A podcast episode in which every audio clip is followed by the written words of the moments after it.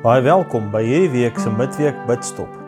'n Geleentheid waar ons kies om doelbewus tot rus te kom by Jesus se voete, te fokus op sy woord, dit te oordink en God die enigste eer.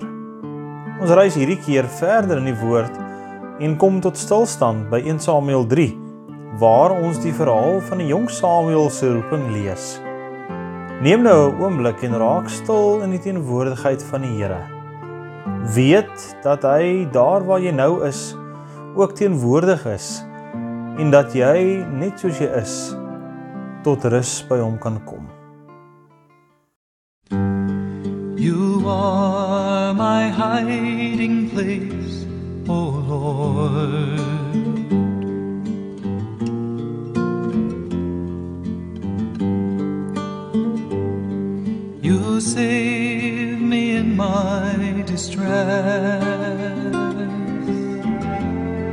You are my hiding place. You save me from distress.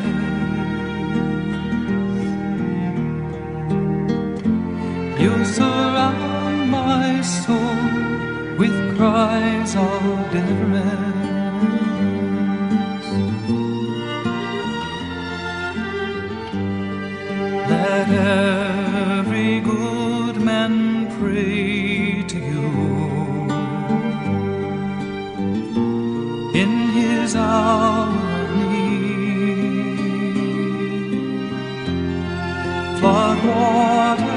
May reach high, but him they shall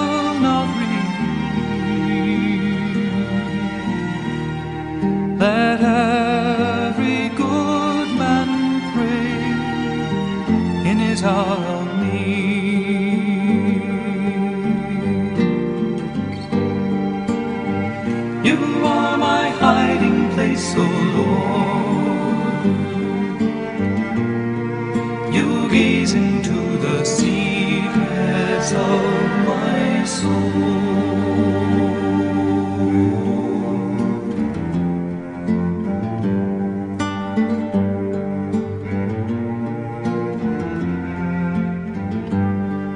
A hidden secret wastes my frame.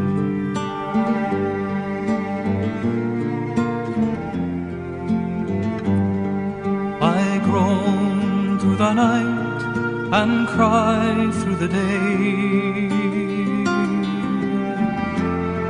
I will confess my sin. My guilt I will not hide.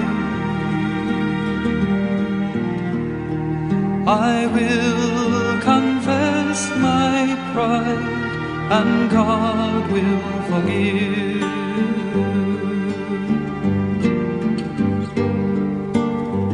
You are my hiding place, O Lord. You gaze into the secrets of my soul.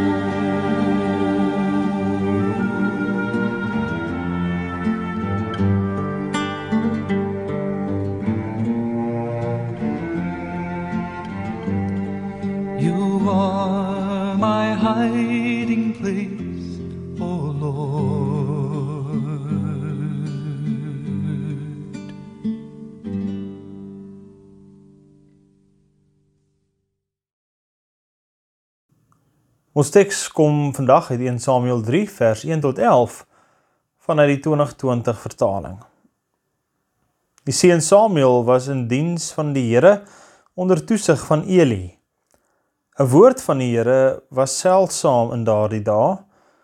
Geen visioene het voorgekom nie. In daardie tyd het Eli op sy gewone plek gelê. Sy oë het al begin swak word. Hy kon nie meer sien nie. Die lam van God was nog nie dood nie en Samuel het al gaan lê in die tempel van die Here waar die ark van God was. Toe roep die Here na Samuel en hy het geantwoord: "Hier is ek." Hy hardloop toe na Eli en sê: "Hier is ek, want U het na my geroep." Maar Eli sê: Ek het nie geroep nie. Gaan lê maar weer. Hy het toe gaan lê. Die Here roep toe weer, Samuel, Samuel. Samuel het opgestaan, na Eli gegaan en gesê, "Hier is ek, want U het na my geroep." Maar hy antwoord, "Ek het nie geroep nie, my seun. Gaan lê maar weer." Samuel het nog nie die Here geken nie en die woord van die Here was nog nie aan hom geopenbaar nie. Die Here roep toe weer na Samuel vir 'n derde maal. Hy staan toe op, gaan na Eli en sê: "Hier is ek, want U het na my geroep."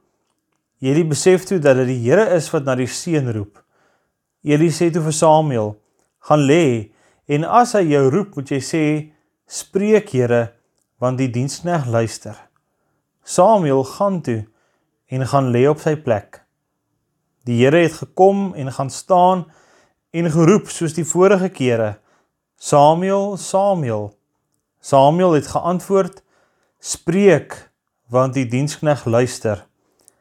Die Here sê toe vir Samuel: Kyk, ek gaan iets doen in Israel wat elkeen wat dit hoor, se twee ore sal laat tyd. Ons ken die verhaal van Samuel baie goed. Anna, sy ma, het hom van vroeg af aan die Here gewy en hy het van 'n jong ouderdom saam met Eli in die tempel gewoon. Dit nadat sy hom van die Here gesmeek het omdat sy nie kinders kon kry nie. Maar ten spyte van God se hand in Samuel se lewe, het hy tot op hierdie oomblik nog nie die Here se stem gehoor nie. Hy het die Here nie geken nie en daarom hardloop hy na Eli toe wanneer die Here roep. So worstel ons baie kere om te onderskei tussen God se stem en die duisende ander stemme in hierdie wêreld. Soms het ons, so Samuel, leiding nodig om God se stem te erken. Maar wees versigtig. Dikwels hoor ons nie altyd wat ons wil hoor nie.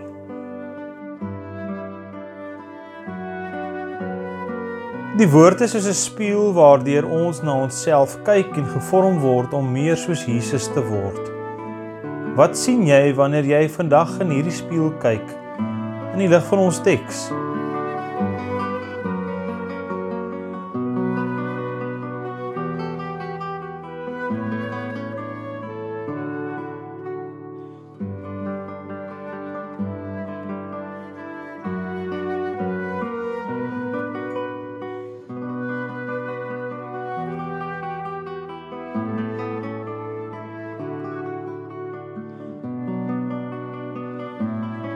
Die woord is terselfdertyd 'n venster waardeur ons die wêreld en alles rondom ons sien.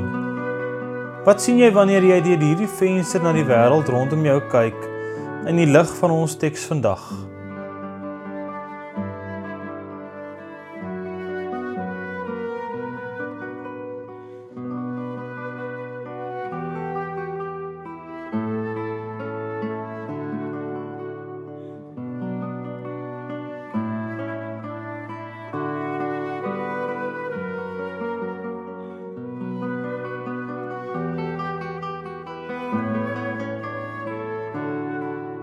Gesels nou met Jesus oor wat jy in die spieël en deur die venster gesien het en weet dat God in liefde en deernis na jou luister.